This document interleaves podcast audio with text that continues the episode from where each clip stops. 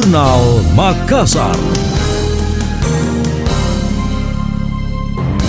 Pemerintah akan mengosongkan sementara pusat kuliner Kanrerong di Karebosi di Jalan RA Kartini Makassar. Pedagang yang berjualan dipindahkan ke tempat baru yang tersebar di kecamatan. Kepala Dinas Koperasi dan UMKM Makassar Sri Susilawati mengatakan, langkah itu menyusul revitalisasi Kanrerong menjadi pusat kuliner yang lebih modern. Rencananya dimulai secepatnya dan tergantung penyedia tempat yaitu pemerintah kecamatan. Dia menyebut total ada 226 los lapak di Kanrerong Rerong. Hanya 71 yang bakal dipindahkan lantaran selebihnya dianggap melanggar aturan, seperti tidak aktif lagi berjualan, sewa menyewa, dan menjual lapak. Adapun desain Rerong baru telah disiapkan. Anggaran revitalisasi disiapkan sebesar 5 miliar rupiah. Saat ini telah memasuki tahapan lelang.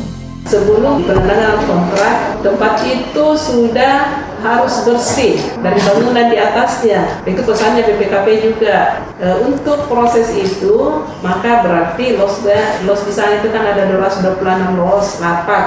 Jadi pertanyaannya mau ke mana kan ini los?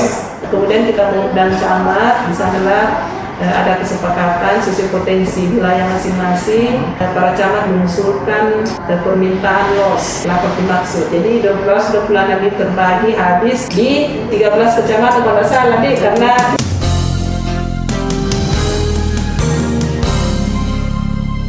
Kepala Dinas Koperasi Makassar Sri Susilawati menjelaskan desain terbaru Kanrerong tempat berjualan besar dan mampu menampung hingga enam pedagang. Di sisi lain dalam pandangannya kawasan Kanrerong saat ini kurang representatif di tengah kota besar. Terlebih barang yang ditawarkan kurang menarik dan sulit bersaing. Anda masih mendengarkan Jurnal Makassar dari Radio Smart FM.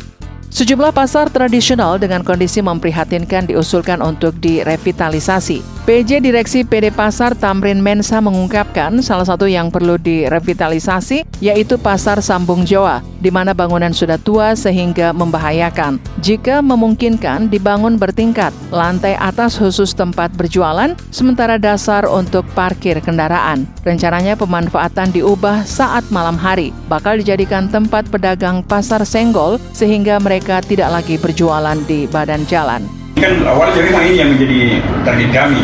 Nah, kita sudah mengajukan ke, ya kita sudah mengusulkan ini.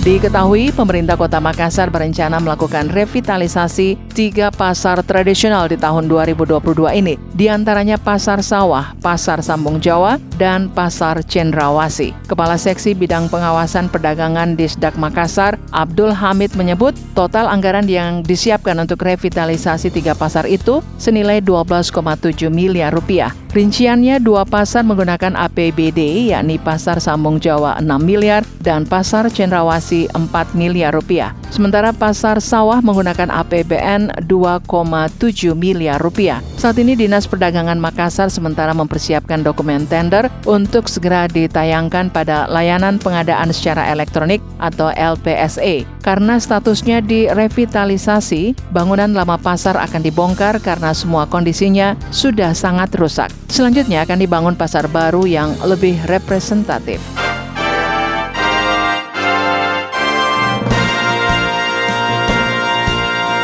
Demikian tadi, Jurnal Makassar.